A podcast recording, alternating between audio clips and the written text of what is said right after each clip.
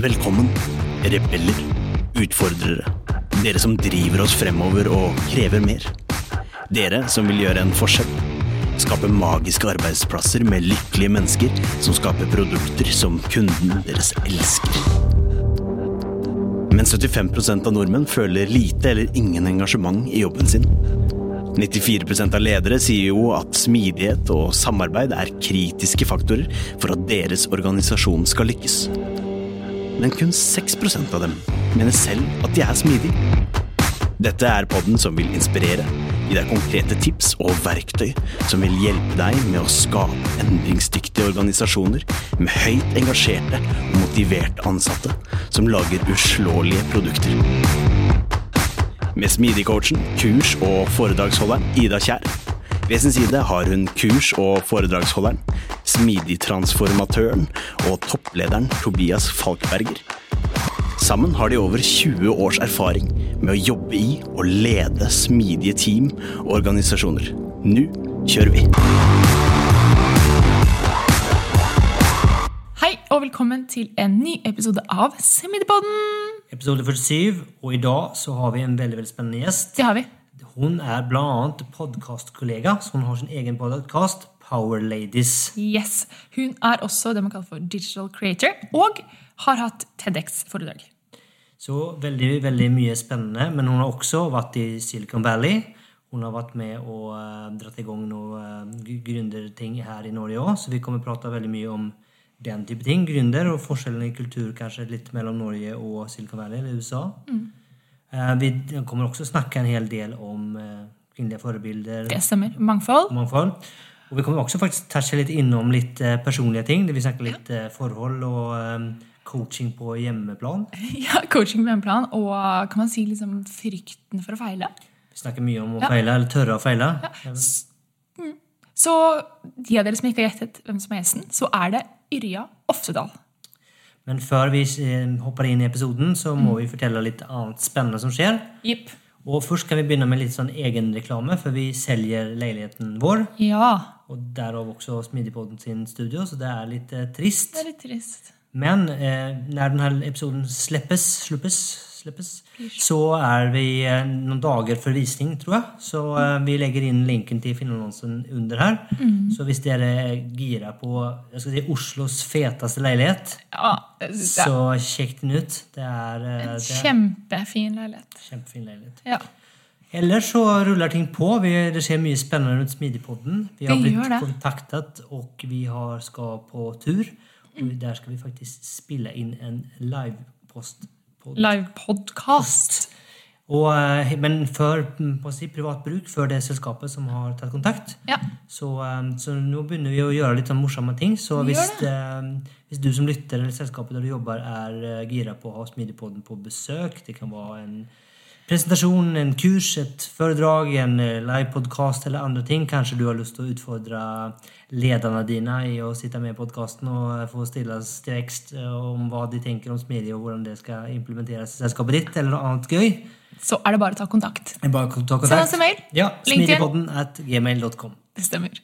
Så med det Skal vi bare hoppe inn i det? Da hopper vi inn i det. Yes. Julia. Ja. Ja. sånn. Count-appen kanskje der? Hva? Den teller opp, gjør den ikke? Nei. Den teller ikke ned? Den er begynt. Ja. teller opp? Ja, en count up. Ja. ja. Potet potato. uh, right, ok. Velkommen til oss, Irja. Tusen takk. Veldig veldig hyggelig at du har lyst til å komme til vår eh, podkast. Det er kjempemoro. Ja, takk for å være her. Ja. Så har du lyst til å starte med å fortelle litt om deg selv? Ja, det kan jeg gjøre. Det liksom, jeg syns alltid det spørsmålet er så utrolig vanskelig å svare på, for jeg føler at jeg er så veldig mye.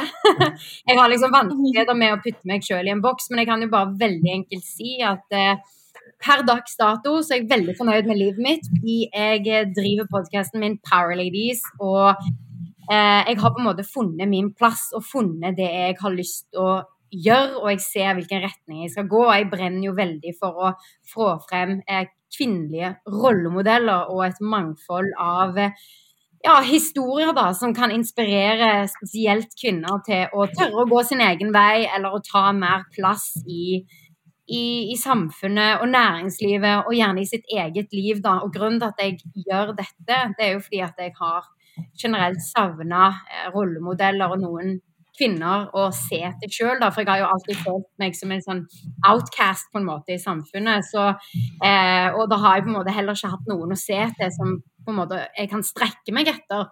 Um, så jeg, det jeg gjør nå, er bare å løse et problem som jeg sjøl hadde som ung. Eh, og nå får jeg jo uh, rollemodeller på løpende bånd, og jeg kan dele dem med alt og alle. Og så er jo spørsmålet hvordan kan jeg utvide min egen business nå, da. ikke sant? Nå kan man jo kalle at jeg er typisk influenser, for å sette et ord på det. Men jeg jobber en del med konseptutvikling med tanke på TV og sånne ting òg. Men ja, bakgrunn som gründer, både fra Norge og i Silicon Valley, og var med å starte opp Mesh her i Oslo.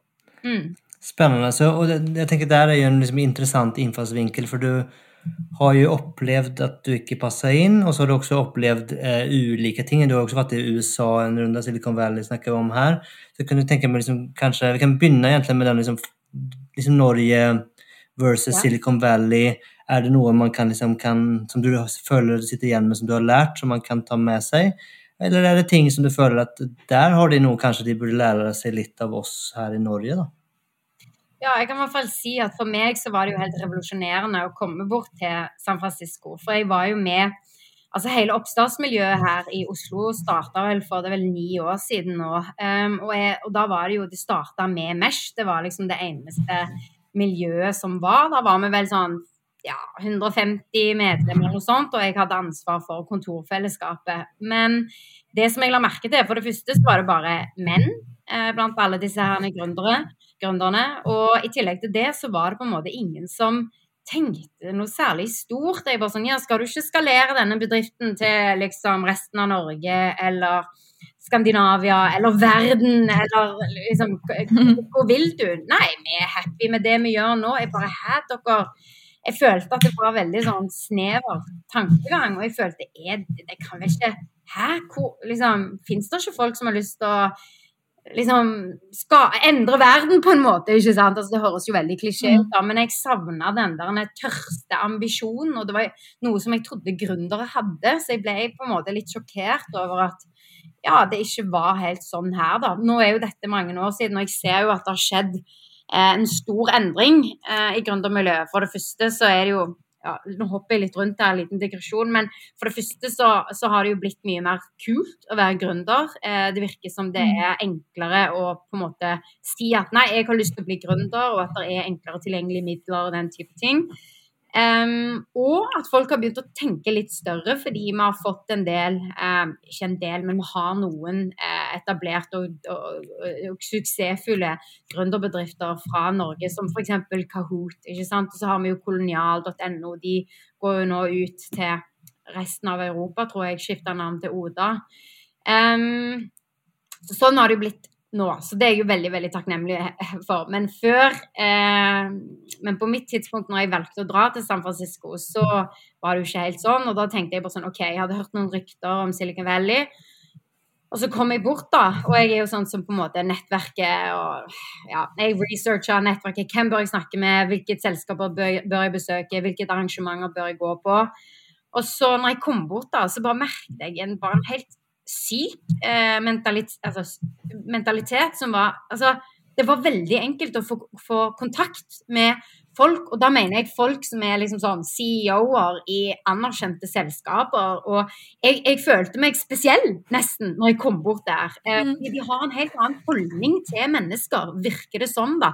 Det er ikke som der oppe, ser, eller der borte, så ser de på absolutt alle mennesker som hva skal man si, eh, likestilt eller likeverdig, fordi man vet aldri hvor viktig eh, den personen eller den personen kan være for din bedrift. på en måte. Det er den type mentalitet de har, da, at ingen er liksom høyere på rangstigen. Var den følelsen jeg fikk. Mm. Det er veldig eh, interessant. For det er ikke det man kanskje tenker som amerikanske samfunnet tenker jeg er veldig mye mer hierarkisk enn det skandinaviske. Ja. Ja, og Mm. det, det, jeg tror egentlig at liksom resten av USA kanskje så er det sånn, men i Silicon Valley så jeg tror det er grunn, noe av grunnen til at de har lykkes så veldig der borte òg. De er veldig open-minded. Ja. Vet at man trenger all slags forskjellige typer synspunkt. Oi, der kommer det en ung, tørst jente, jente fra eh, Norge. Kanskje hun har Kanskje hun er nøkkelen jeg tenker, trenger til bedriften min for å eh, løse det og det problemet. ikke sant? Det er akkurat som de tenker mye mer sånn Selvfølgelig, det kan høres egoistisk ut, men det er jo òg veldig benefits for at jeg da f.eks. fikk møte med CEO COO-en i eBay. Bare sånn Hei, hei! Og fikk liksom Ja, så det er akkurat som kulturen, bare det at det var um, Jeg var på en måte vant med at her i Norge så tar det evigheter med å få svar fra folk på mail. Hvis du sender melding på LinkedIn, så du, fikk du heller ikke svar. Eh, og det var veldig vanskelig å hele tatt få til møter med folk som på en måte du så var mye lengre foran i karrieren. da. Eh, mens der var det veldig veldig enkelt å få kontakt med absolutt alle. Så det jeg merkte da, som var forskjellen, er jo dette her med at veldig sånn pay it forward. Og alle så på hverandre som likeverdige. Og òg det at man var nysgjerrig. Og man hadde vist at å ja, for et spennende menneske du var. Du, vet hva, det kan du få til. At det var veldig sånn fokus på at du er god nok, eh, dette kan du klare, og hvordan kan jeg hjelpe deg til å eh, få til det målet du ønsker å få til akkurat nå. Så det var ekstremt. Jeg ble helt liksom slått i bakken av den kulturen og det varme samfunnet jeg møtte, noe som eh, gjorde at jeg eh, Ja, min selvtillit rett og slett eh, falt på plass når jeg dro bort dit, fordi at jeg følte meg sett, eh, og jeg følte at eh, ja, jeg rett og slett hørte til på et vis. da. Det var en varme som gjorde at jeg eh, fikk tro, tro på meg sjøl. Klisjé nok. Mm. Mm. Så, så det er en kultur som jeg ser begynner å bli mer og mer vanlig her i Norge òg. Dette med å heie på hverandre, hjelpe hverandre og være tilgjengelig uansett hvor i hierarkiet du på en måte befinner deg i karriereløpet. da. Mm. Eh, Men det er en lang vei å gå fremdeles. Eh, Men det er jo en kultur jeg jobber for å forandre med, med min podkast. Mm. Kult. Jeg tenker at det er liksom noe de kunne lært av oss, da? Er det noe som, det som du kanskje til og med tok med deg, som du kanskje til og med klarte å lære dem litt i, eller? De der borte Ja? Nei, jeg tror det er mer det spørsmålene jeg fikk eh, når jeg var der borte, var mer med tanke på likestilling. Hvordan gjør dere det med eh, dette med likestilling og sånn der? Så jeg, så jeg merket at det, det var ikke noe, de var ikke noe sånn særlig nysgjerrig annet enn på Å ja, går dere hjem fra jobb klokka fire? Oi, dette var jo interessant. Oi, men hvordan går det med likestillingen og den type ting? Så jeg følte egentlig ikke at jeg hadde så veldig mye å bidra med når jeg kom bort der av norsk kultur, annet enn at eh, ja, det jeg tror er fint med Norge, da, er at faktisk folk eh, har eh, slappa av, da. At de går hjem fra jobb når klokka er fire eller fem. Det, det er fritid. For det, det, ikke, det er det ikke så mye av der borte. Men det, eller i Silicon Valley da når jeg var der. Men da er det jo mer fordi at folk virkelig har en eh, passion for det de gjør òg, at det blir nærmest mer som en sånn hobby. Mm. Mm. For det er kanskje naturlig sånn å hoppe litt over, for jeg vet at jeg, jeg følger med på når du poster. og så- Jeg vet at du har gjort dine egne refleksjoner om hva skal jeg si, eh, mental helse, fritid, eh, jobb-balanse i det siste. Kan du kanskje si litt om det? Og så henger det også sammen med liksom, opplevelsene dine i, i Silicon Valley? Ja, det gjør eh, kanskje det. Eller kanskje ikke. Det er litt sånn usikkert hvor det bunner i. Men, men jeg er i hvert fall veldig opptatt av um, det å ha det bra her og nå. Uh, og for at jeg skal ha det bra her og nå, så er, skjønner jeg jo at jeg er ingen maskin. Jeg er et menneske som trenger å hvile. Jeg kan ikke jobbe 24-7. Jeg er nødt for å ta pauser. Jeg er nødt for å ha i meg god bensin, altså eh, sunn mat. Jeg er nødt for å sove godt. Jeg er nødt for å være rundt mennesker som gjør meg godt. Eh, jeg er nødt for å eh, få frisk luft der ute i naturen. For jeg tenker at hvis du ikke tar vare på den mentale helsen, så vil det manifestere seg eh, Altså det vil på en måte scramble out eh, resten av hverdagen òg, med tanke på at du vil ikke prestere så veldig bra på jobb. Mest sannsynlig. Altså, eller jo, kanskje du gjør det, men jeg opplever i hvert fall sjøl at jo bedre jeg tar vare på den mentale helsen, jo mer overskudd har jeg til å eh, prestere, og jo mer fokus får jeg, som gjør at det er lettere å, å holde oversikt og rett og slett bare OK, nå skal jeg jobbe denne timen, og så eh, ja, får jeg det til med, med 100 Altså, ja, skjønner dere litt hva jeg mener? At Absolutt. med, Ja. ja, Og så tror jeg jo at det er veldig mange som undervurderer akkurat dette aspektet, tror jeg. Og jeg tror det er veldig mange som også glemmer litt det at eh, hvis du opplever hvis du, hvis du opplever at ikke du har tid til disse tingene på hjemmebane, så manifesterer det seg ofte i stress i jobben, ja, eh, som du tar med deg hjem igjen. Ja. Så det blir som en veldig veldig ond sirkel. At til slutt så klarer du ikke å leve det livet og være den personen du ønsker å være på noen av arenaene. til slutt. ja. Ja. Altså, et Eh. tema vi liker å snakke om, er jo også det med forskjellen på input, output og outcome. Og vi er jo oftest altfor opptatt av både input og output, og ganske lite fokus på outcome. Eh, Så man er mer opptatt i hvor mange timer man har jobbet, eller kanskje hvor mange mail man har sendt, og Mm. ikke den verdien, kundeverdien eller, eller profiten som du faktisk har skapat i sluttenden. Da. Og det er vel kanskje litt tilbake til å si at liksom når, du, når du jobber, så har du fokus på jobb, og da er det for at det skal liksom lede til noe, ikke nødvendigvis bare det å jobbe for måte, timene sin skyld. Da. Unnskyld at jeg forstyrrer deg midt i denne superspennende episoden, men jeg må bare fortelle deg noe. Forresten, det er meg, Arvid, fra introen. Er du en som ønsker å utfordre, drive oss fremover og kreve mer? Gjøre en forskjell og skape magiske arbeidsplasser? Men du bare vet ikke helt hvordan. Da har jeg noe som kan hjelpe deg. Tobias og Ida har laget et kurs. Kurset gir deg forståelsen og den smidige tilnærmingen du trenger for å tenke nytt om de organisatoriske byggeklossene, strategi, mennesker, prosess, struktur og teknologi. Lenke til kurset finner du i episodebeskrivelsen. ja.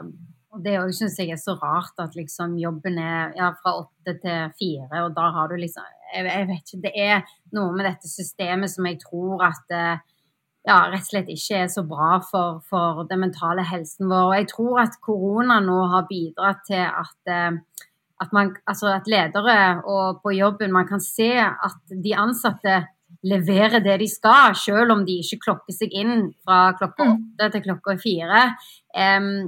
Det tror jeg har vært eh, kanskje det mest positive med hele korona. At man skjønner at man kan jobbe annerledes. At det blir mer rom til å ta vare på den mentale helsen hvis man har en fleksibel hverdag, og at man føler at man har tillit eh, fra arbeidsgiver eller fra lederen. At man føler at liksom ja, hun stoler på meg, og derfor så kommer jeg til å gjøre jobben min. Men hvis du hele tiden føler at liksom å nei, å nei, nå eh, tok jeg meg fem minutter ekstra pause her i lunsjen, og sånt, så dårlig, sant? Det er sikkert folk som får dårlig samvittighet for det, ikke sant? Eh, men det er noe med det at eh, det å ha sett Jeg syns at alle arbeidsgiver burde satt den mentale helsen til til mennesker først, jeg. Rett og slett. At folk skulle Fordi folk har jo lyst til å prestere. Folk har jo lyst til å gjøre en god jobb. Um, og jo bedre du har med deg sjøl, jo bedre presterer du, og jo mer har du lyst til å gi det ekstra giret. Så jeg mener jo at den mentale helsen burde komme først, eh, både på arbeidsplassen og på hjemmebane, egentlig. Fordi Mm. du, du har det bedre, Mm. presterer du bedre. Jeg syns det er veldig enkelt science. på en måte. Det er jo veldig, ja, jeg syns det er veldig enkelt, og, og vi stiller jo alltid spørsmålet i, på slutten av podden sånn Hva er det viktigste egenskap som leder? Ja. Uh, så Tobias jeg diskuterer det her veldig mye. Og personlig så er- mener jeg at empati er en av de Ja. viktigste egenskapene som leder. For det å klare å se hver enkelt person for individet det er, og behovet den personen har, som et helt menneske, ikke bare når du er på jobb. da. Ja. Det er kanskje den viktigste egenskapen, tror jeg, da, at du har som både medmenneske, Ja. men også leder. da. Ja, og der tror jeg det er en jobb å gjøre med tanke på lederutdanning, f.eks. For, for jeg aner jo, Nå har jo ikke jeg gått en lederutdannelse, men jeg ser jo at der, eh, jeg har jo observert at det kanskje ikke alltid er like mye empati eller forståelse for andre mennesker blant ledere. Eh, Og det bunner jo i grunn tilbake til at vi lærer jo ikke noe om oss sjøl heller i skolen. ikke sant? Man lærer ikke dette her med å, hvordan å lede seg sjøl, hvordan å kjenne seg sjøl, hvordan å eh, ja, bli godt kjent med egne verdier, hva som gjør en godt, hva som gjør en dårlig, hva man trenger for å ha det bra. altså eh, Hvor man henter energi, hvor man tappes for energi, eh, hva som gir mening, hva som ikke gir mening. altså Hvis man ikke lærer å sortere tanker eller blir kjent med følelser eller blir kjent med seg sjøl, så er det jo veldig vanskelig å se andre òg, når du ikke kan se deg sjøl. Mm. Så på en måte, egentlig så bunner det jo i at ok, hvis man skal utdanne fremtidens ledere, så starter jo det i barnehagen, nærmest. ikke sant? Hvis man skal Mm. starte med ledere med god empati, for det er noe som må læres fra tidlig, tidlig av. Så jeg er helt enig med deg. Jeg tror at empati er det som vil skape trygghet eh, og tillit på arbeidsplassen, som gjør at de ansatte kan puste ut og få lyst til å gi liksom, det ekstra, ekstra giret og ha det gøy på jobb. da. Mm. Mm. Så de dere snakker med, eh, eh, med tanke på det med balanse og den type ting, hvordan opplever de, eller hva, hva pleier de å svare stort sett, eh, med å liksom ta vare på seg sjøl og sin mentale helse? Jeg opplever at, at man er eh, relativt reflektert rundt det. Eh, och, men det, det är klart att vi är ju eh, selektiva. Med, vad ska jag säga, selektiva. Alltså, de gästerna vi pratar om, eller pratar med, är ju ofta har kommit, bedriften eller dem har kommet ganske langt. Eh, Ja. Så de er jo nok ikke, de er ikke representative for norsk næringsliv, eh, dessverre, skal jeg si. da. Um, så, så, men jeg kjenner jo igjen um, Jeg tror vel at er mye av at vi har mye å lære der, og det tror jeg mange selskaper som har, har, har et stykke å gå. Men jeg håper og tror at, at eh, korona faktisk at det en av de positive tingene vi sitter igjen med, er jo kanskje nettopp den Jeg tror ikke bare for ledere, men også for enkeltindivider. At man kanskje har liksom sett at man, even om det har vært mye negative ting, så er det kanskje positive ting, og at man ser at at den se, egenrefleksjonen og balansen i livet har gjort at man kanskje har det litt, litt bedre. da. Og at man kanskje kan bruke litt mer tid eh, sammen med familie og andre ting, og at det liksom gjør at den balansen og, og mentale helsen faktisk er bedre. Ja, jeg, Mm. nå kom jeg på at um, det jeg syns hadde vært kult, da, hvis at uh, i fremtiden at uh, kanskje ledere kunne begynne å ansette sånne mentale trenere. Det er sikkert noen selskaper, Mhm. spesielt i Silicon Valley, så er det helt sikkert vanlig, dette her greiene her. Men at du får altså, ha mentale trenere eller mentale coacher som er og Som man kan ja, som enten holder workshops, eller at man kan jobbe med fast, eller et eller annet eh, som gjør at man rett og slett kan lære seg mentale teknikker og få verktøy til hvordan å eh, ha det bedre med seg sjøl, hvordan å prestere på jobb um, og den type ting. For per dags dato så er det jo nesten kun ledere, og selv ikke ledere engang, som har sånne eh, mentale coacher. Um, men de fremste næringslivstoppene de opplever i hvert fall jeg Det er ei venninne av meg som heter Cecilie Ystnes. Hun er mentaltrener, og hun eh, har jo vært mentaltreneren til Norges noen av de mest eh, anerkjente topp, eh, topplederne. Og så andre som presterer på topp, bl.a. Ada Hegerberg. Så hun, hun sier jo det at det er jo vanlig blant de som er helt på topp, men jeg tenker at det er jo noe som man burde lagt til rette for på arbeidsplassen generelt. fordi vi får jo ikke mentale verktøy andre steder. Da må du sitte ned og researche og researche, og gjerne betale mange tusen kroner for å gå på Tony Robins-kurs eller whatever. ikke sant? Mm. Um, så det er et, et lite um, Mm. tiltak som er ganske enkelt å gjennomføre, som et tilbud til de ansatte, da. Som, som jeg tror ville jo Akkurat som det er jo noen bedrifter som har sånn egen massør eller eh, ja, den type ting. Sant? Så hvorfor ikke bare betale en mental trener, liksom? Mm. Det er veldig, veldig morsomt at du sier det her, for um, i, uh, i DNB Jeg var med på et uh, sånn, ja, sånn lederutviklingsprogram der for noen år tilbake, hvor fokuset der var uh, selvledelse. Ja. Fokuset der var at for at du skal bli en god leder, så må du lære å lede deg selv. Yes. Så det var en kjempegod inngangsvinkel til det. Og nå jobber jeg mye med, med people som er i DNB. Uh, og da, vi har jo coacher i DNB Ja. som coacher eh, som medarbeider kan komme til for å få hjelp om alt mulig det skulle være. Kjempefint. Og nå jobber jeg sammen med dem med å liksom lage liksom verktøykasse for medarbeidere. Og Det handler bl.a. om det liksom å finne sånn, du, hva er det som gir og tar energi, hva er dine verdier? altså Finne alle disse elementene her. da. For jeg tror um, det å liksom få liksom et verktøy, da. Gjør dette, dette er en fin start. Mm. Altså, det er kanskje ikke det hele reisen du må gå på, men det er en start til å begynne å utforske ting. Ja. Eh, og bare det å, for, for mennesker, når jeg, når jeg er rundt i, i mine team eller rundt i organisasjonen sier men hva er det som gir og tar energi, så blir de sånn Gir og tar energi? Hva, hva snakker du om? sånn, men du må liksom sette deg ned og reflektere rundt dette her, for det kommer til å være life-changing da, for hvordan du eh, angriper jobben din, og hvordan du lever livet ditt generelt. da. Ja. Ja, der ser du. Det, det er sånn, altså Hvis ingen setter folk på tan den tanken, så, det, så, så kommer man jo ikke på det engang. Og selv da, når du liksom stiller folk, ja, stiller folk det spørsmålet ja, har du, har du satt deg ned og gjort dette her på sånn Hæ? Det, det er jo bare helt sykt. Og så er det så essensielt for å ha det bra i egen hverdag. Altså, Mm. jeg mener at hvis du, hvis du skal ha det godt, så må du kjenne deg sjøl. Du må være flink til å lede deg sjøl. Og du må vite hva du trenger for å ha det bra. Og vite at ok, nå kommer, nå kommer jeg i en sånn situasjon som gjør at jeg kanskje reagerer sånn, mens da kan jeg hente meg inn igjen på den og den måten. Altså, hvordan Mm. ellers skal du ha det godt hvis du ikke klarer å vette oppskriften, på en måte? sant? Mm. Så, så lenge du får noen verktøy, sånn at du vet hvor du kan starte, for det kan virke veldig overwhelming hvis du først, ja, Mm. sant? Hvis du først tenker oi, nå har jeg lyst til å lære meg noen mentale teknikker, og så googler du, og så er det en million sider, og så er det bare sånn nei, dette gidder jeg ikke, sant? Så, så det er jo bare helt fantastisk å bare få en i hvert fall sånn start kit, da, Mm. i hvert fall. Mm. Jeg. Det er helt eh, genialt. Ja, Mm, eh, det er det. jeg, tok, jeg har tatt en master på, på BI i, i hva skal jeg si, jeg har gått voksen, voksen alder, og det siste, siste året Godt voksen. Du er ikke godt voksen, Tobias. Ja, men vi senere i karrieren, da. Ja, det, er- det er lov å si. Ja. Eh, ikke, ikke som 21-åring, da. Eh, men eh, da var det siste, siste året jeg tok, var samspill og ledelse. Og det gikk Ja. akkurat på det, da.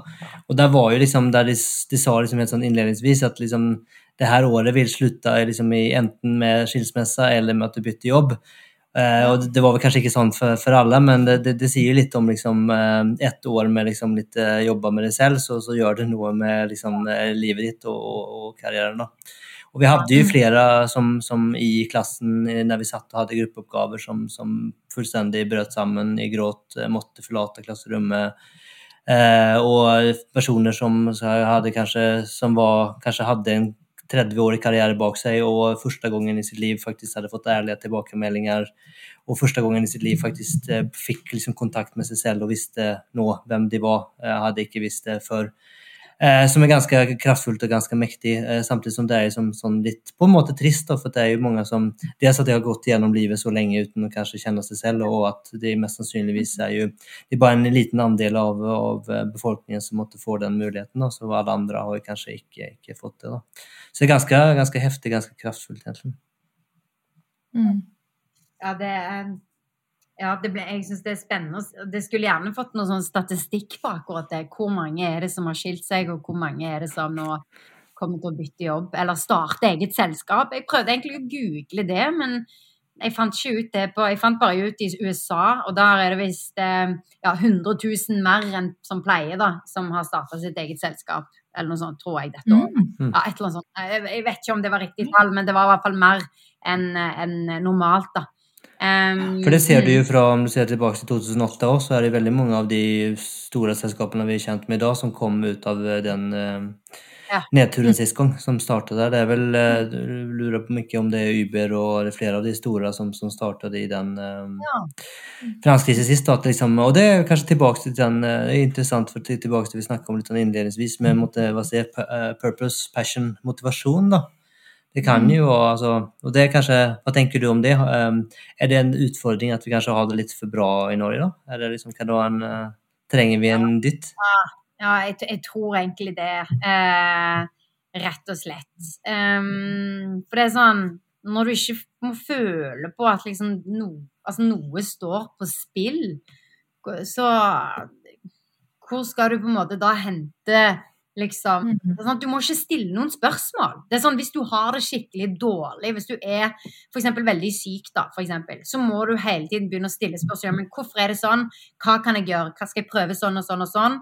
Men hvis du egentlig bare har det helt jevnt bra, hvorfor skal du begynne å stille spørsmål rundt noe som helst? ikke sant? Hvorfor skal du endre på noe når du egentlig har det helt greit? Men jeg var jo hos legen min her om dagen, og så sa jeg ja, uff, det har jo vært et, eh, liksom, ja, et rart år. Og så sier legen bare sånn Ja, nei, Jeg syns at vi nordmenn har godt av dette her, jeg, så. Dette var bra år for nordmenn. Vi trenger dette her.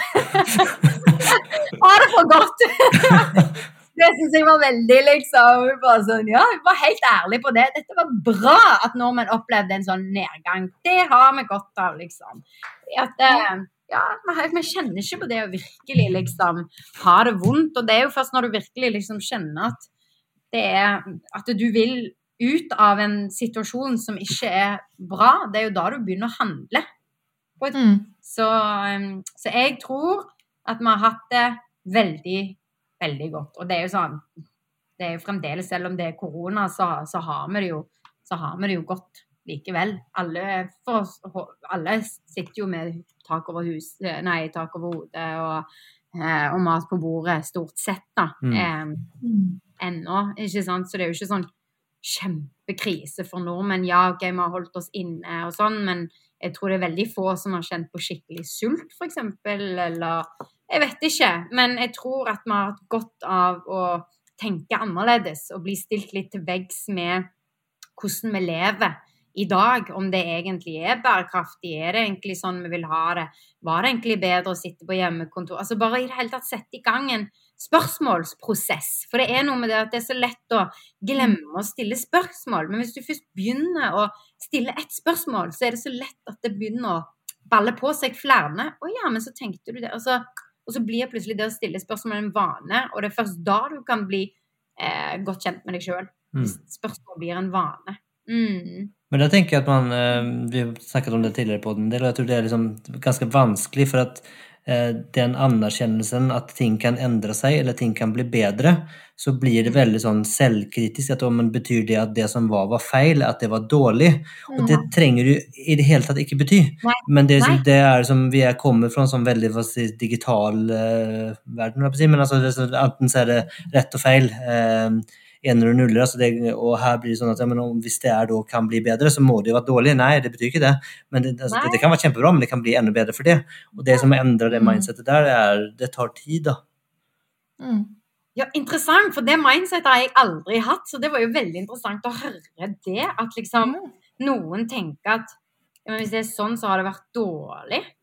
For jeg er jo veldig heldig sånn at en, altså, alt kan bare bli bedre, men det betyr ikke sånn som du nettopp sa, at det betyr jo ikke at det var dårlig før. Det var jo bare fordi at du ikke hadde gått det trappetrinnet, liksom. Mm. Men du måtte jo gå det trappetrinnet for å komme til å klare å ta det trappet... Altså, alt er jo Alt henger jo sammen. Du kan jo ikke komme på toppen av trappen hvis du ikke har vært på bunnen. Altså, liksom Ja, ja. ja. Nei, det var veldig interessant, Ja, ja. nei, men merker jeg så spesielt liksom, i kanskje, nå er jeg litt fordomsfull, men kanskje liksom større selskaper, så er det liksom veldig liksom Ja, men sånn har vi alltid gjort det. Ja, men så, sånn er det bare. Mm. Ikke sant? Det er, liksom, det er ofte det du møtes av, liksom. At det liksom at ja, men sånn har vi alltid gjort det her. Det er sånn det er. Sånn er kulturen Ja, men så må du også, ja, så må også huske at idet du kommer inn og sier at du vil gjøre det på en annen måte, så Folk føler jo at det er kritikk ikke sant? på yeah. det de har lagd eller skapt. eller noe sånt nå. Og da, da føler man jo ofte at det er liksom, ja, men da har jeg ikke gjort det riktig. Jeg har gjort det feil. Mm. Ikke sant? Og så er det jo, bunner oss tilbake i det at det å gjøre feil blir sett på som noe dårlig og, og ikke noe bra. Er, Ja, Å ta på ansikt. det er, det, er, det er skummelt å gjøre feil og stå i feil. Uh, og det, det kan jeg si. Altså, jeg har jobbet med en coach det siste hva er det, halve året, tre kvart år eller noe sånt. Tobias, Mm. Hvor jeg har jobbet mye med det der. Det å bare eh, akseptere feil. Livredd for å gjøre feil. Det er, jeg kan ikke gjøre feil, alt må være perfekt. Ikke sant? Og så har jeg bare sånn jobbet med det å Ok, jeg gjør en feil. Stå i den feilen. Og i det siste så har jeg klart liksom nyte å gjøre feil. ja. Love it! Og det er sånn revolusjonerende for Ja. meg. Og bare sånn Ok, dette her var jo interessant. For det er først da du faktisk klarer å, å faktisk ta læ reell læring ut av situasjonen. Ja. Ikke bare den derre 'Å, jeg lærte meg dette', og så går du videre, og så glemmer du det. Men det å faktisk huske det og lære det og ta det med deg. da. Og jeg tror det er veldig mange som ikke helt får til det, da.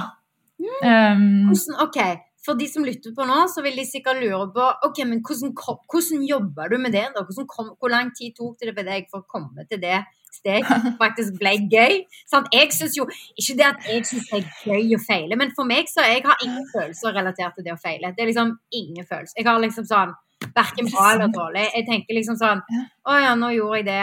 Eh, OK, ja ja, da skal jeg ikke gjøre det sånn. Og så på en måte Mm. Og så er det litt flauere hvis jeg på en måte må gå og si sånn Du, vet hva, nå har jeg liksom sånn Men jeg kjenner, jeg, jeg kjenner Da syns jeg bare det er liksom flaut akkurat når jeg må si det, og se på reaksjonen til personen, Mm. liksom. Men, men jeg, det er liksom bare da jeg kjenner på at liksom Ja, ja. Liksom, jeg håper Mm. at eh, den personen liksom Men da er det bare sånn, da legger jeg meg bare helt flat og sier Vet du hva, jeg visste ikke Eller jeg kunne gjort bedre, men jeg gjorde ikke sånn. Eh, det var min feil, men jeg skal gjøre det bedre neste gang. Eh, sorry, jeg er et menneske. Mennesker gjør feil. Sant? Så det er liksom sånn Mennesker gjør feil. Alle gjør feil. Mm. Det er ingen som er Ja, ja. perfekte. Kanskje en kunstig intelligens i framtiden blir helt perfekt, men vi kan aldri bli perfekte. Vi mennesker. Det går jo ikke. Og perfekt er jo bare en illusjon. sant? Det som er perfekt for deg, er ikke det som er perfekt for meg. Og det som er perfekt for deg, er ikke det som er perfekt for meg. Så det er sånn, Da går jo alle rundt og bare sånn Å ja. Så man kan ikke please noen. Så det vil si perfekt. Det kjenner du igjen? Der har du du? nøkkelen.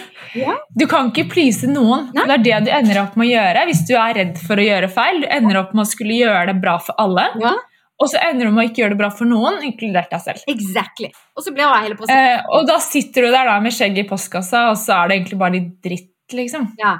Så blir livet surt, liksom, fordi at du bare Åh, Det blir sånn det, blir, negativt snakk og liksom Ja. det er ikke noe gøy i det hele tatt. Det er bare egentlig ganske kjipt. Så eh, å komme dit, det har tatt mange, mange år. Det har tatt mange år. Ja. Og har blitt eh, liksom eh, called out av Tobias flere jevnlig, jevnt og trutt. Ja.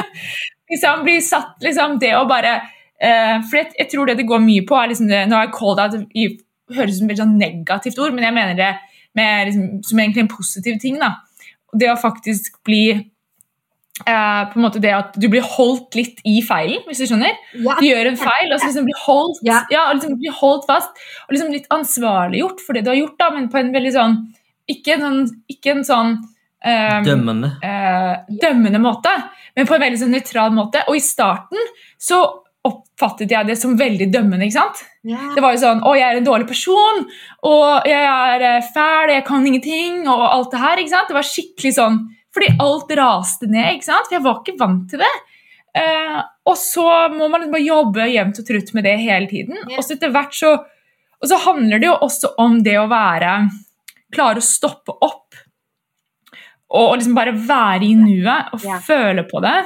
Eh, og så bestemme seg for hvordan du vil agere eller reagere på det som har skjedd. ikke sant? Mm. Eh, ser jeg på dette her som, som to ulike veivalg hvor jeg tok ett, Mm. eh, men ingenting av det trenger å være feil, eller er det Og noen ganger så må du bare erkjenne at det, det var feil. Eh, jeg dreit meg ut. Det var eh, dårlig, liksom. Ja. Jeg burde ha gjort bedre. Ja. Jeg gjorde ikke det. Eller hva det skulle være, da. Um, så det er jo det å liksom tørre å stå i det hver gang, da. Og da tror jeg faktisk at mennesker trenger litt hjelp til å bli holdt der. For det, og bevisstgjort rundt det. Og bevisstgjort rundt det. Fordi Hvis ikke så rømmer du, for det er ekstremt ubehagelig. Mm. Og sånn er det jo med alle ting du vil bli bedre på. ikke sant? Hvis Ja. du er dårlig på noe, så er det ubehagelig å kjenne på det. Det er ubehagelig å stå i det. Og da trenger du, da er det godt å ha litt hjelp Ja. på å holde deg litt fast. Ja. På en veldig sånn snill måte, selvfølgelig. Um, hvor du, du har litt det rommet da, Ja. til, å, til å reflektere ja. og lære Ja. og bare innse at det, det er greit. Og det har jo vært veldig bra for deg, da, at du har faktisk hatt eh, Tobias der som kan bidra med det. da. Så det er jo noe Mm. sånn, for Hvis de som hører på, da er det jo noe med det. Ja, finn en person som kan bidra til å holde deg accountable, da, som du kan snakke med i Mm. denne prosessen om, sånn at du yeah. called out, og for sånn som du sier, da, at det er lett å flykte fra det sjøl. Men, men så blir jeg nysgjerrig. Hva er feil for deg? Å, det kan være alt mulig. Ja. Uh, det kan være um, feil for meg Det kan være å ikke leve opp til noens forventning, for eksempel. ja. Uh, det kan være å Hva, hva, hva, hva er en klassisk du tenker at andre forventer av deg? Hvis man forventer en type leveranse, f.eks., eksempel eller um, du skal uh, Å, har du noe Ja, jeg hadde en, en situasjon for en stund tilbake hvor jeg, eh, Vi skulle på hyttetur, Ja. og så var det masse som skjedde på en gang. Og jeg er noen ekstrem tidsoptimist, så jeg bare crammer inn alt. Og liksom bare, For jeg skal liksom Jeg skal eh, please mamma, pappa, lillesøster, Tobias, hunden vår, eh, Som- som vi han på har. Joker. eh, ikke sant? Altså alle, ikke sant? Nei, så slitsomt! Ja, det er kjempeslitsomt! Det er skikkelig slitsomt. Og så bare rakner korthuset, ikke sant? Fordi det går jo ikke. Eh, og da bare gikk hele helgen i dass, da. Eh, og da, da kjente jeg på det å feile, for jeg hadde jo liksom set us up for failure, Ja. rett og slett. Ja. Uh, og da, da brukte jeg mye tid på det å liksom Og da, var jeg, da, jeg, da gikk jeg rett i sånn fix it-mode. Ja. Hvor jeg bare sånn Nei, men det her kan jeg fikse og lappe sammen. Eh, men det blir bare verre. ja. Ja. Og da var uh, Tobias var sånn Nei, nå eh, Det her var da fredag ettermiddag etter jobb. Fredag kveld var vi vel Um, nesten. Det er fredag kveld, og vi skulle liksom opp på fjellet den helgen. Vi hadde bestilt hytte og liksom alt. Uh, og hadde avtalt med han som hadde hytta med for nøkler og sånn. ikke sant? Og han, Tobias bare sånn Nei, vi skal ikke dra. Vi skal snakke gjennom det her. Uh, og vi skal liksom uh, Og vi satt i flere timer her hjemme, og jeg var liksom bare mer og mer stressa, ikke sant? Og Tobias og jeg bare sånn Ja, jeg skjønte nå! Jeg skjønte skjønt det til Og Tobias bare Du har ikke skjønt det nå! Du skal sitte her til du liksom Til du virkelig forstår det. Og det var mye frustrasjon, og jeg følte på det å, å ikke strekke til. Um, det å ikke være god nok, ikke levere på forventninger. altså Alt det her da, som er feil for meg. Uh, til jeg slutt klarte å um, distansere meg fra det nok. da, Til å faktisk lære av situasjonen. Ja. Og til å faktisk liksom plukke den litt fra hverandre og se på de ulike elementene. da. ja. Eh, og så var klokka hva var klokka Tobias? 11? Ja, Eller noe? 10-11 på kvelden, og da kjørte vi til Hjemsdal. Ja. så du må liksom ta de der kampene òg, da. Ja. Og bare innse at liksom Ok, eh, dette er kanskje viktigere Ja. enn å komme opp på hytta klokka seks, liksom. ja, ja. Uh, og da var det bare å sitte ned, da. Og Tobias stilte spørsmål og, og holdt meg fast i liksom situasjonen, da. Og- Mens jeg liksom satt der og bare sprella som en sånn liten gull på land, liksom. Oi, herregud. Ok, men da blir jeg jo så nysgjerrig. Tobias, hvorfor gjør du dette? Det tar jo mange timer for deg. Og liksom, det er jo så enkelt å bare gi faen og bare nå kjører vi til Hemsedal og jeg gidder ikke høre på henne. bare Å, vi hører drithøy musikk, bare shut up. Liksom, sant? Altså, det er jo så enkelt å bare at begge flykter fra deg på sin, hver sin måte. Da, på en måte, ikke sant? Nå får hun bare være sur, da. Jeg gidder ikke snakke om det. Sant? Det er så lett. Så hva er det som på en måte sånn at Du må jo være veldig interessert i dette her. Det er nok en del av svaret, absolutt. Men så er, altså, du, vi snakket litt sånn før liksom, hva er en, en god leder. Og jeg tenker at det er, litt, altså, det er en menneske som er interessert av å gjøre andre bedre.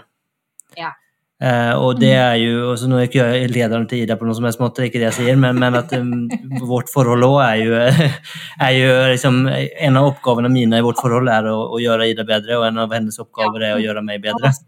Åh, Mm. åh, det var hyggelig å høre. Nå ble det sånn åh, det er ikke alle forhold som Det er ikke alle som har det, Dere har et bra forhold. Ja, Mm, vi har det. Veldig bra.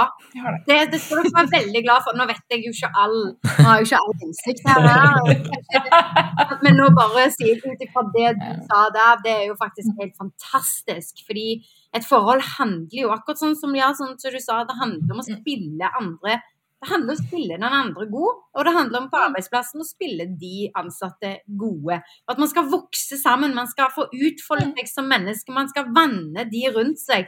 For hvis ikke de rundt seg blir vanna, så har jo ikke de lyst til å vanne deg tilbake. Altså, jeg vet ikke. Det er bare en sånn mutual liksom Du ser bare naturen bare vokse, sant? Men hvis du ikke gir vann, så blir det plutselig bare en ørken. sant? Hele Mm. forholdet blir bare en ørken, hele arbeidsplassen blir bare en ørken. sant? Så det der mindsetet der, det er gull, og jeg skulle ønske absolutt alle gikk inn i et forhold på den måten der. Mm. De får, du anbefaler dem å starte podkast og, og diskutere med spennende og reflekterte gjester. Det er kanskje det som er, kanskje det som er nøkkelen her. Ja, det er kanskje det er det dere skal skape? Skape ikke smidigpotten, men relasjonspotten. Relasjonsbånd. Ja, ja, ja. rebrande. Mm. Ja, men det er virkelig, virkelig kult å høre den, hvordan dere jobber sammen på den måten. Da kommer dere til å ja, overkomme, da kommer dere overkomme det meste som par, men også som enkeltmennesker. At dere kommer, kommer til å få det bra. Det hjelper veldig å ha hjelp i en sånn mental prosess. Det gjør det. Det gjør det. Det gjør absolutt det. Det er helt, helt, helt essensielt. Ja, sånn, Tenk så lang tid det hadde tatt deg hvis du ikke hadde fått hjelp av Tobias. Sikkert å roe deg ned etter det greiene. liksom, sant?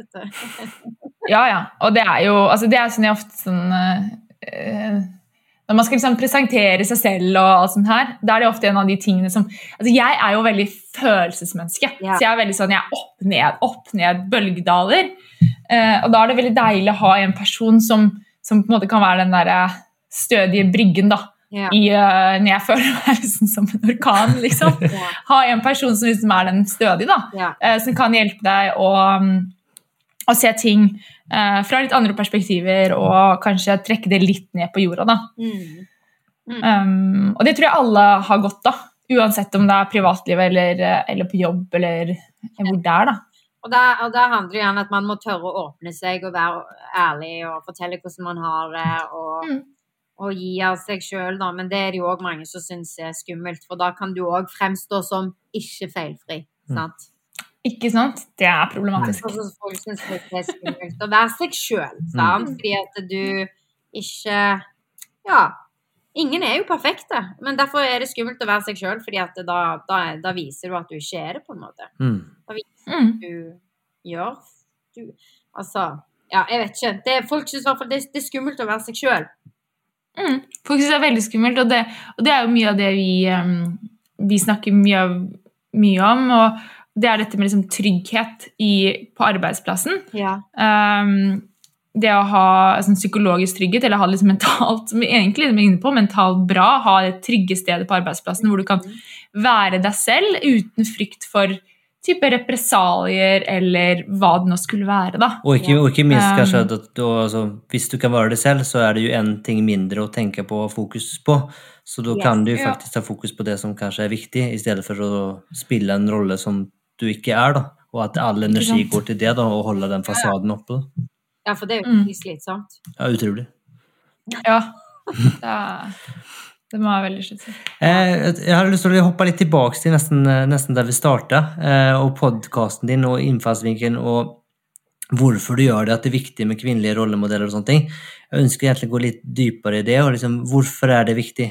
Eh, og, og liksom, hva eh, Hvorfor må det til, og, og hva, hva tenker du at liksom en, en eh, kvinner i, i arbeidslivet med, med mål og drømmer og med forbilder, hva, hva skaper det? Hvorfor er det liksom hele Gå litt dypere, hvorfor er det viktig? Nei, jeg, altså jeg, jeg sier det så enkelt som ett ord likestilling. Altså, jeg eh, Hva er det det? det er over, det nå har det jo blitt skrudd 50 år tilbake eller noe sånt, det der med når det blir likestilling globalt. Altså, det ligger vel på, i hvert fall før, ifølge World Economic Forum, over 200 det var sånn 250 år, nå har jeg ikke tallet nøyaktig til når det blir likestilling, da. Så jeg sier jo bare at if you can't see it, if you can't, you can't be it. Vi trenger mennesker, spesielt kvinner, da, trenger å se at oi, det går an å gjøre sånn og sånn og sånn. Det går an å tørre å ta plass. Det går an å tørre å være seg sjøl. Det går an å gjøre feil og, og komme godt ut av det. Eh, Det går an å være leder uten å få hat. Det går an å gjøre sånn og sånn. Altså, man må bare Kvinner trenger å si Altså, for det, blir ikke det, handler ikke bare om at det er menn som må liksom bare Å, nå må menn være opptatt av likestilling. Det handler om at kvinner òg må tørre å ta plass. Mm. Vi er nødt for å pla- ta plass, og så er vi nødt for å hjelpe hverandre. Og hvis vi da ikke har noe som på en måte ubevisst eller bevisst forteller oss at hvordan vi skal gjøre det, så er det veldig vanskelig å, å gjøre det. Så det handler ikke bare om liksom, at ja, det er veldig bra med lik lønn for likt arbeid og, og alt det der, og kvotering, kjempefint, men, men vi må òg eh, tørre å ja, jobbe med selvfølelsen og få mer selvtillit. Kvinner spesielt har veldig dårlig selvfølelse og har dårlig selvtillit. Og hvis du ikke liksom, Hvordan skal du bygge det hvis du ikke på en måte har noe sted å hente inspirasjon? Sant?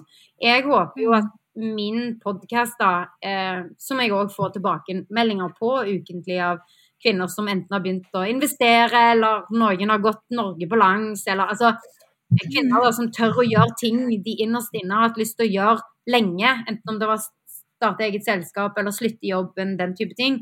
De sier at de har fått mot til å gjøre det av å høre på min podkast. Så jeg bare tenker at det med å høre historier, se andre kvinner som tør å gjøre ting tross at det er skummelt, det, det gjør at flere kvinner tør, altså. Det er bare sånn det er bare så enkelt. Og det, jeg bare merker det bare på meg sjøl. Det at jeg kom til Silicon Valley og traff masse kvinner som turte å skape sin egen arbeidsplass, og som trodde på seg sjøl og bare Yes, of course I can do this. Og liksom var en helt annen attitude. Det var da jeg skjønte at ja, men de er jo ikke noe forskjellig fra meg. Jeg er jo helt lik hun. Men når hun kan, da må jo jeg òg kunne. Sant? Mens opp frem til da så hadde det jo vært sånn Å nei, hmm, kan jeg dette? Nei, jeg kan jo ikke det. Liksom, sant? Det der indre kritikeren som på en måte ja, bare av og til kan overdøve litt, da. Sant? Men det er så lett at den overdøver hvis at du ikke har noen steder som på en måte kan motsnakke den indre kritikeren, hvis dere skjønner. Sant? Mm. Um, så derfor gjør jeg det jeg gjør, fordi uh, for det første jeg løser et problem som jeg sjøl har kjent veldig på. For det andre så bidrar jeg til at uh, likestilling kan være, uh, bli et faktum på min måte. da. Mm. Jeg er jo en liten dråpe i havet, men jeg mener at dette er helt essensielt for å komme der fort.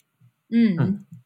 Ja, for Det er veldig interessant at du sier det, for det er jo kanskje ikke alle som vet det, men det er jo det, er jo måte, det finnes ikke masse forskning her, men det er i alle fall en, en forskningsrapport som jeg tenker på, som der de har sett på uh, teameffektivitet eller resultatet fra team. Da.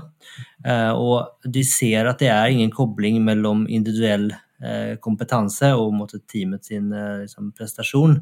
Men de ser at mm. Diversitet er det liksom altså Det er liksom en av tre ting som du liksom kan peke på faktisk korrelerer med vet, hvor bra et mm. team presterer. Da.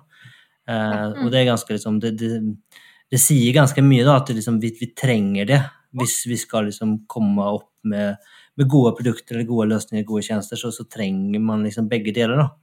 Uh, og, mm. og, da er liksom, da tenker jeg altså, Hvis man ikke For det med, Jeg kommer jo selv fra, fra IT-bransjen, og det er jo dessverre veldig mannstungt. da. Eh, og det tror jeg liksom, du har liksom at Grunnen til at det er det, tror jeg er for at det fins så få. Det fins så få forbilder. og man har kanskje en mm. feil bilde av det faget, eh, som gjør at man ikke kanskje tør eller tenker at det er ikke for meg. Og så kommer du, klarer du ikke å bryte det ut av det. Eh, og, det, og det tror jeg vi bærer veldig preg av òg. Eh, og at vi får også kanskje produkter som bare er lagd for halve samfunnet. ikke sant? Um, som er krise i seg selv. da. Mm. Og det er jo også bevist at du har jo, når du utvikler, så har du et bias som manifesterer seg i produktet du lager, da. Absolutt. Ja, og det, det er da jeg bare tenker at med tanke på mangfold eh, på arbeidsplasser, så er det så viktig at lederne tar tak i det, at det kom, er for, forankra helt fra toppen. For hvis ikke så mm. skjer det ikke. Og det er så lett for enkelte å si ja, men det var bare menn som søkte, eller det er bare menn som rekker opp hånda.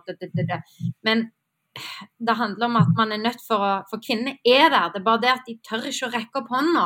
Men det er ikke det at de ikke vil, de bare kommer ikke på det. sånn så Det er ei venninne av meg som nettopp har blitt leder for det er vel 300 mennesker eller noe sånt. og det første hun gjorde, hun skulle ansette en ledergruppe da på Eller det var en ledergruppe. Den ledergruppen hun på en måte ble øverste leder for, den besto bare av Ja, det var bare menn over 50 som var hvite, da.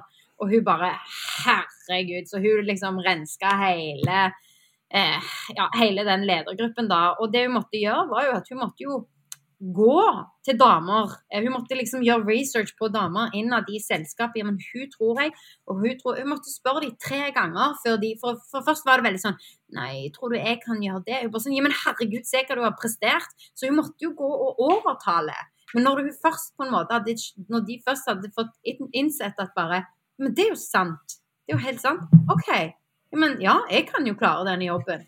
Og så valgte de å ta jobben, da. Men det krevde at du må se disse kvinnene. Du må si at hvorfor du passer til dette her. Og man må gjøre en arbeid, eller man må gjøre en jobb på å headhunte. Og det krever Fordi at menn har så lett for å bare Ja, jeg vil ha den lederrollen. Eh, kan jeg få den lederen? Sant? Mens Mm. kvinner gjør ikke sånn. Og derfor så må man eh, Ja. Ja.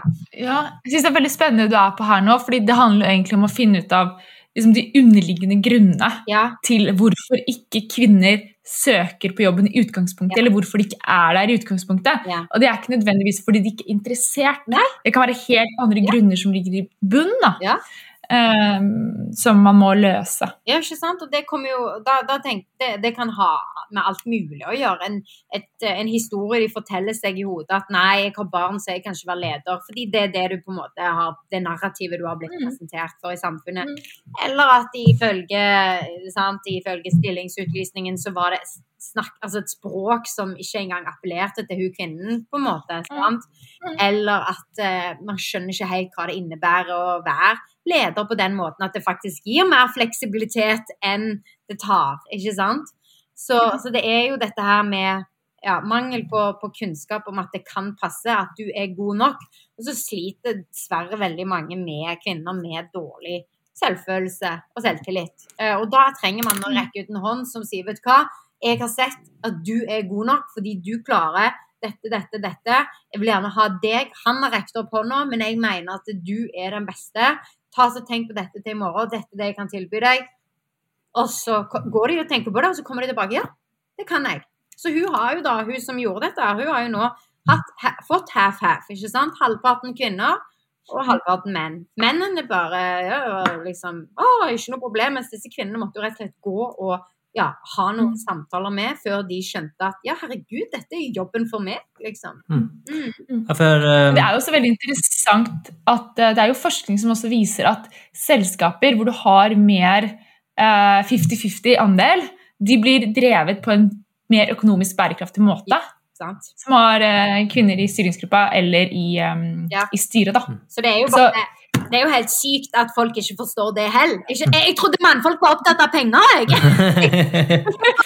Det er så merkelig. Jeg trodde at folk var opptatt av penger. Det er jo så mange bedrifter bare å, vil tjene mest mulig penger. Og så bare sånn ja, men så legg til rette for å tjene mest mulig penger, da. Da må du få noe mangfold. Så det er bare sånn, det er bare sånn psykologi som bare liksom Jeg forstår ikke at Hallo, se på, peng, se på økning av verdi i pengekassen din. Nei, ikke Liksom Nei, jeg vet ikke. Det, jeg vet ikke. Jeg syns bare det er så merkelig hvordan folk tenker. Hmm. Men igjen, tap av ansikt. Det er vel det det går på. Ja, ja, ja, og så er det vel egen altså, du, du, em, du vil jo bygge deg selv opp, og da er jo så enkleste måten å vise at, at du er riktig, er jo at du løfter fram andre som er som deg. Så det blir jo en sånn selvforsterkende eh, greie òg. De ser jo ofte at eh, ledere tenderer til å ansette eh, studenter fra samme universitet som de selv har studert på, eh, sånne type ting. da. For Ja. at, for at hvis, hvis de folka er flinke, så er jo du indirekte flink òg. Så du, liksom, du, du er med og måtte bygge deg selv opp gjennom handlinger som viser at din type da, eller profil si, er, er, er riktig. da. Eh, Så det blir en eh, Så er det jo kanskje noe med liksom, hva skal jeg si, at det er jo vi mennesker er vel kanskje litt late òg, og det er vel kanskje litt deilig å ha folk som eh, gjør som du sier og tenker som du, eh, og at den som tenker ulikt, eh, det er jo slitsomt, ikke sant, så det orker du ikke, så da eh, da. velger du de bort bevisst, og velger de som bare, ja, Mm. så det er vel noe med det òg, jeg tror det er liksom en, en eh, og det ser du jo mange, altså det er liksom sånn i retrospekt så kan man jo lure på liksom hvordan kunne Eh, altså de selskaper som har tatt veldig rare liksom, eh, beslutninger og sånne ting. altså var det ingen som så det, var det ingen som sa det, hvorfor var det ingen i styrerommet som rekte opp hånden? ikke sant? Men du får en sånn liksom, en, en, en normaliserende ting, at alle begynner å tenke likt. ikke sant? For, det, Ja, det blir jo et ekkokammer til slutt. det blir jo det. Mm. Jeg ser at tiden eh, løper veldig fra oss her. Det er eh, veldig morsomt, så jeg tenker vi skal hoppe inn på de fem siste spørsmålene. Er du ikke enig, enig i det? Jo, det var veldig god idé. Ja. Tar du oss i gang i det? Jeg kan snurre i gang. All right, så um, Nå vet jeg ikke hvor gammel du er, Yrja, men hva ville du fortalt 20 år gamle deg selv? Nei, jeg er faktisk 20. Kødda. Så hva vil du fortelle deg selv, da? oh, I wish. Nei da, jeg vet hva. Jeg eh, Åh, Det er liksom så vanskelig, for jeg er jo fornøyd med veien jeg har gått og sånne ting òg, men liksom sånn, det er så van, det er vanskelig spørsmål. Men jeg vil jo på en måte eh, sant? Jeg skulle jo ønske at jeg sant, turte å gjøre min egen greie før jeg ble Jeg starta jo Power Ladies da jeg var 29, liksom. Sant? Så det er jo bare sånn åh, hvorfor gjorde jeg ikke dette før? Men det er jo masse sant? Det er jo mange prosesser som jeg måtte gjennom og sånne ting òg. Men alt handler vel egentlig bare om å bare, bare gjøre det. Gi meg redskapene. Fortelle liksom hvordan jeg skal gjøre det. Du må bare gjøre sånn og sånn og sånn, og så setter du i gang. For jeg har jo alltid gått min egen vei og har på en måte fomla inni der og prøvd litt sånn og gjør litt sånn. sånn. Så jeg vil jo alltid si at på en måte mange har jo sett meg som modig. Uh, men jeg har på en måte ikke følt meg 100% modig sjøl, fordi jeg har ikke turt å gjøre det jeg virkelig ville gjøre før jeg ble ja, 29 år. da. Så jeg vet ikke hvordan jeg skulle sagt det, men jeg ville bare sagt gjør sånn og sånn og sånn, og så bare setter du i gang. men det var jo ingen som lagde podkast på den tiden heller, liksom. Så ja. Anyhow, I don't know. Jeg ville sagt liksom keep doing you, og bare tør å starte noe for deg sjøl. Du har ingenting å tape. Mm. Godt svar. Um, vi har tatt oss innom det flere ganger, men hva tenker du kjennetegner en god leder? Ja, nei, det er det viktigste som jeg også sier, som eh, Ida sa, det er empati. Eh, muligheten til å skape trygghet og tillit på jobb. Sånn at, sånn som du sa, så, Tobias, at man ikke må drive og holde en fasade, men man kan føle at man kan slappe av. Og så være god i eh, kommunikasjon. Sant? Tydeliggjør, hold det du lover. Eh, og, og rett og slett være nysgjerrig. Som leder så bør du jo Sant?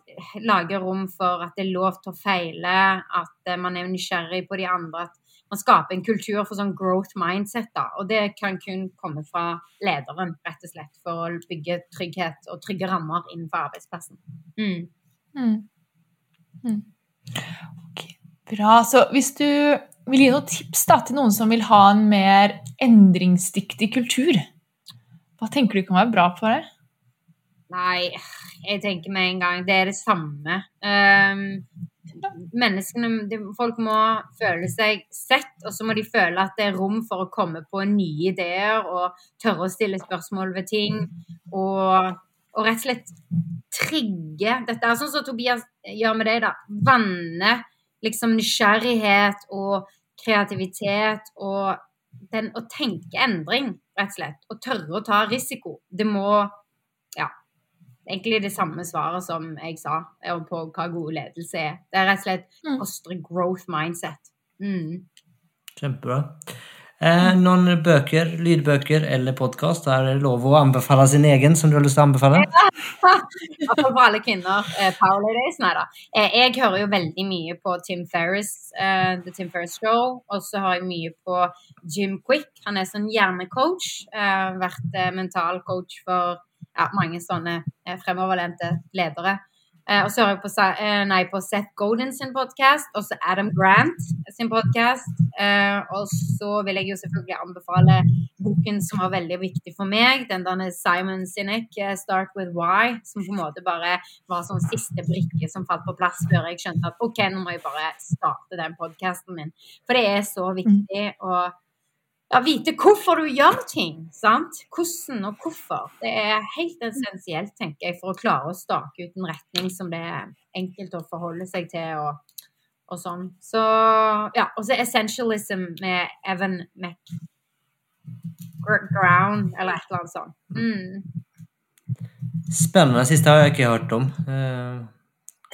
Essentialism. Ta og Sjekk den ut. Den er ja. veldig ja, hvordan, legge, liksom, hvordan strippe ned. Den handler vel om prioriteringer, rett og slett. Hvordan ja.